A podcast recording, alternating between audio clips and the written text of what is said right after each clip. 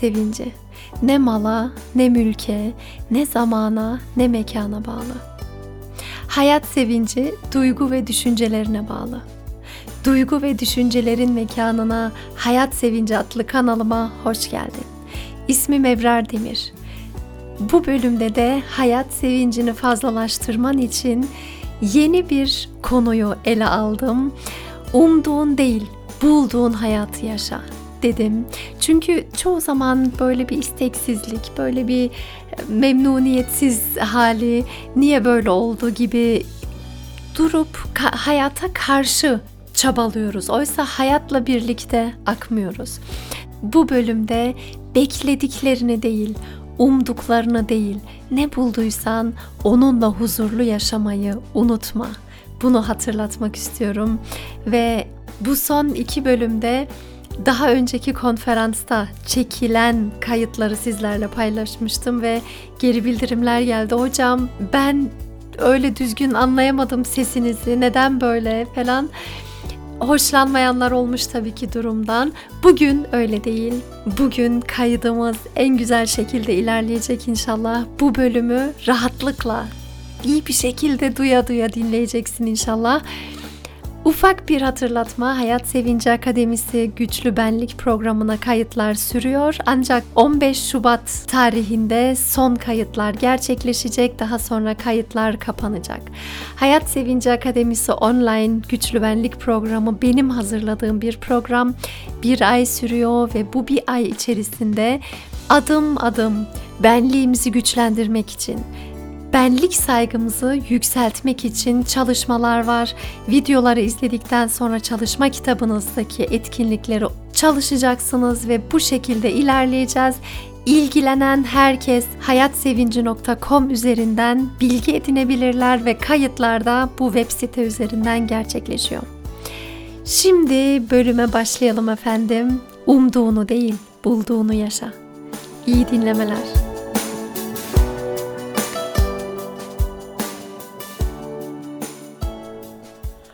Hani o hayata küs olan hallerle hayatı yaşama durumlarını çok iyi bilirsin. Hani dirençle yaşıyorsun. Birilerinin sana bir şey söylemesi sana batıyor artık. Her şey sana fazla geliyor. Çünkü sen bazı şeyleri kabul etmiyorsun benim hayatım böyle olmamalıydı. Bu benim hayatım olamaz. Bizim kendi hayatımızla ilgili net beklentilerimiz var. Bu bu bu bu böyle olursa çok güzel bir hayat yaşarım.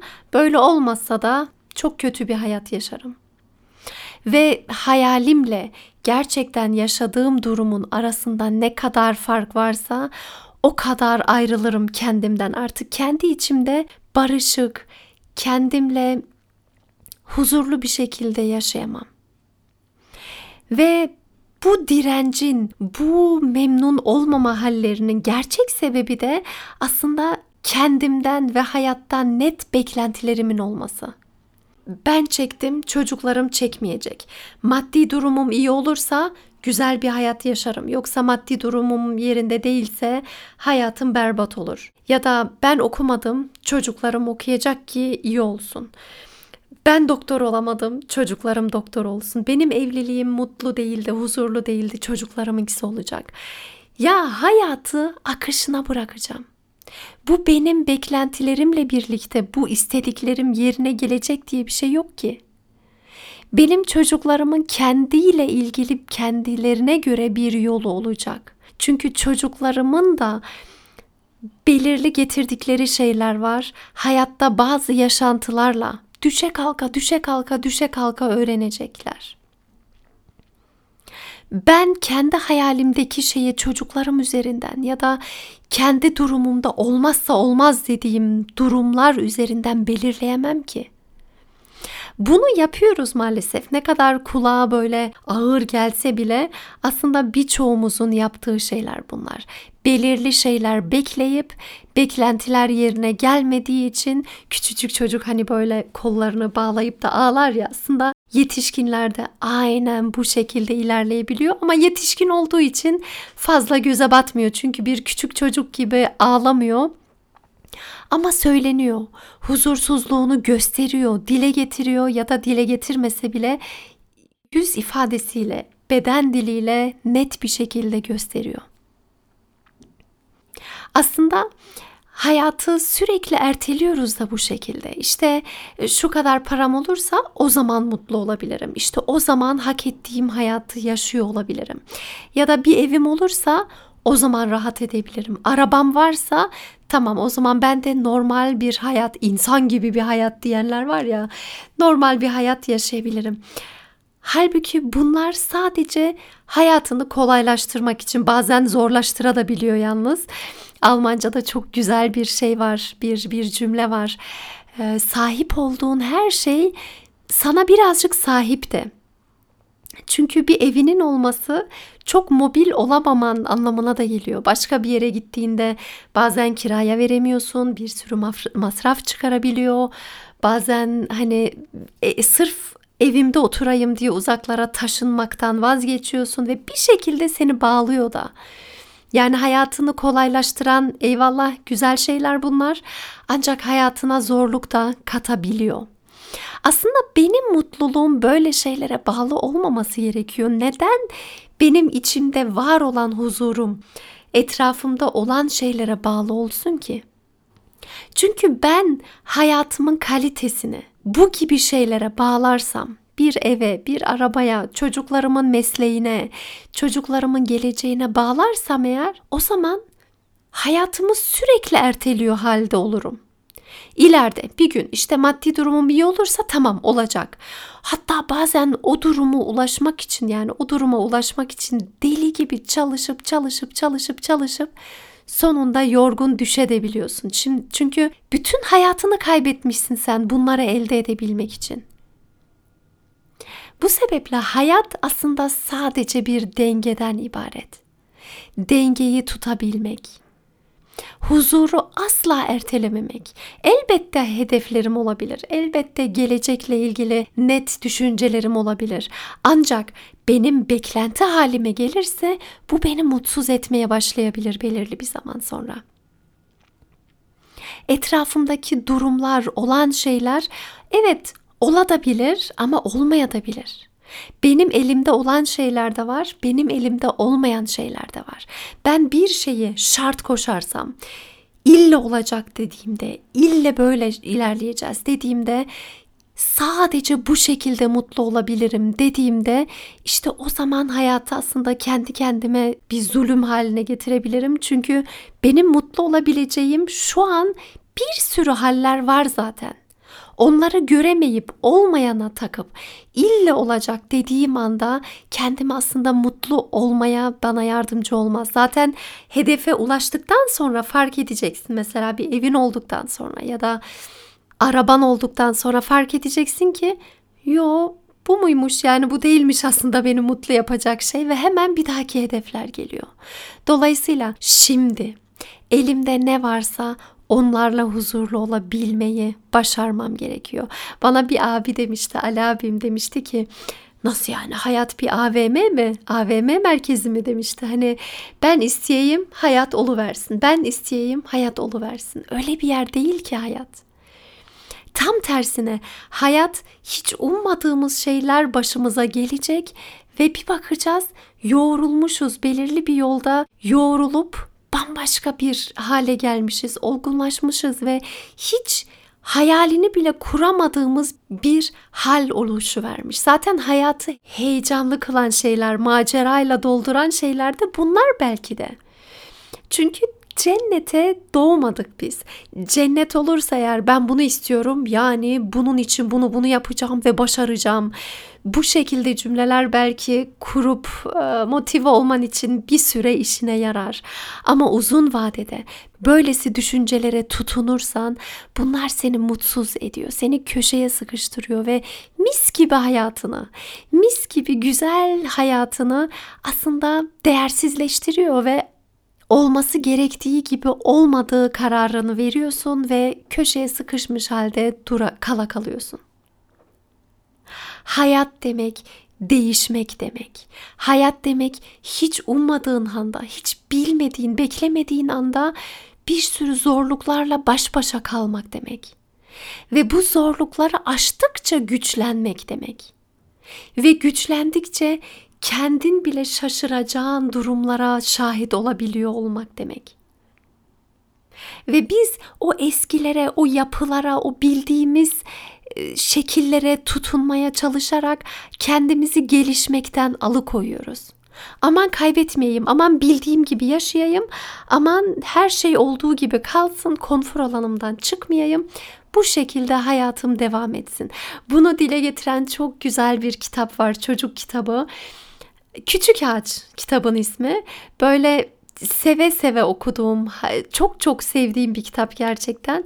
Bir sürü ağaçlar görünüyor kitapta. Ve bir tane ağaç küçük ağaç bu ağaç yapraklarına sımsıkı tutunuyor. Sonbahar geliyor, yapraklar artık sararıyor. Hani yere düşüyor normalde bütün ağaçların yaprakları. Ama bu küçük ağaç sımsıkı bu yapraklara tutunuyor ve bırakmak istemiyor bu yaprakları. Derken diğer ağaçlar büyüyor belirli bir zaman sonra artık büyümüş oluyor. Aralarında bir tane küçük ağaç var. O küçük ağaç yapraklarına sımsıkı tutunmuş.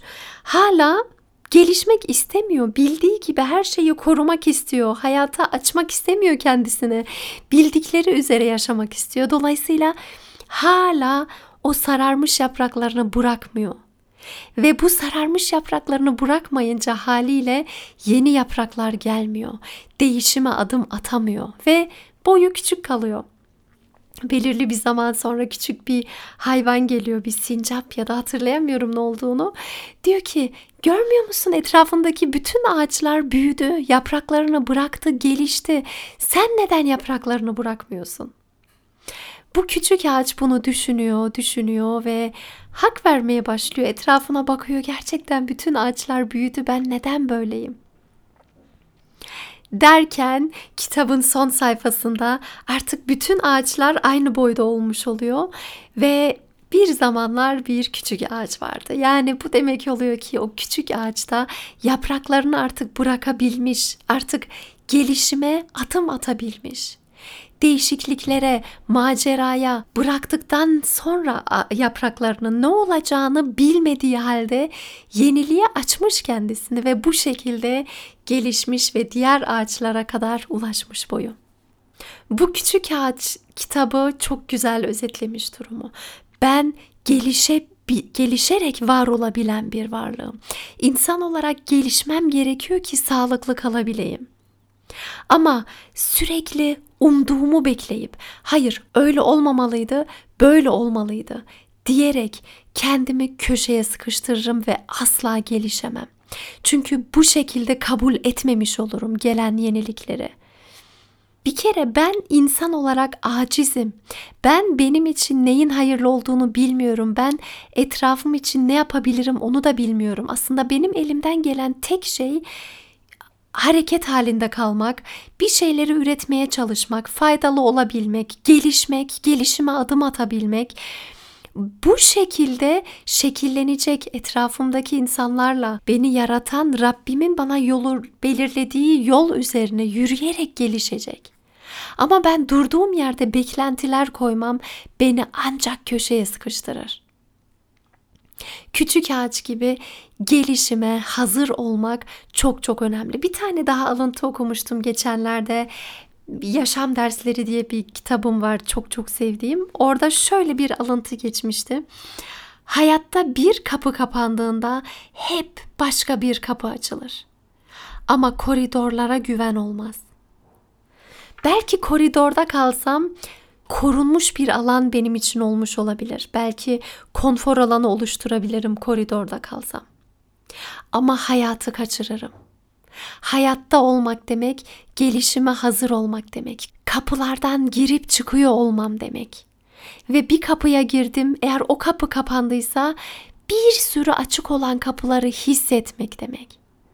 Dolayısıyla bu kapıları kendimize kapatmayalım eski bilindik durumlara veda edebilmek ve yeni hiç bilmediğim durumlara kapıları açmak, hiç beklemediğim durumlarla baş başa kalmak. İşte beni insan yapan budur. Bu sebeple beni köşeye sıkıştıran herhangi bir düşünce varsa ne olursa olsun kabul etmediğim ne varsa bütün bunları kabul edip küçük ağacın yaprakları gibi yaprakları bırakıp seni yıpratan neler varsa artık bırakmaya niyet et. Artık bu düşüncelerle vedalaş ve yeni bilinmedik durumlarla karşı karşıya kal. Hiç daha önce yürümediğin yolları yürü ve umduğun değil, bulduğun hayatı en iyi şekilde yaşa.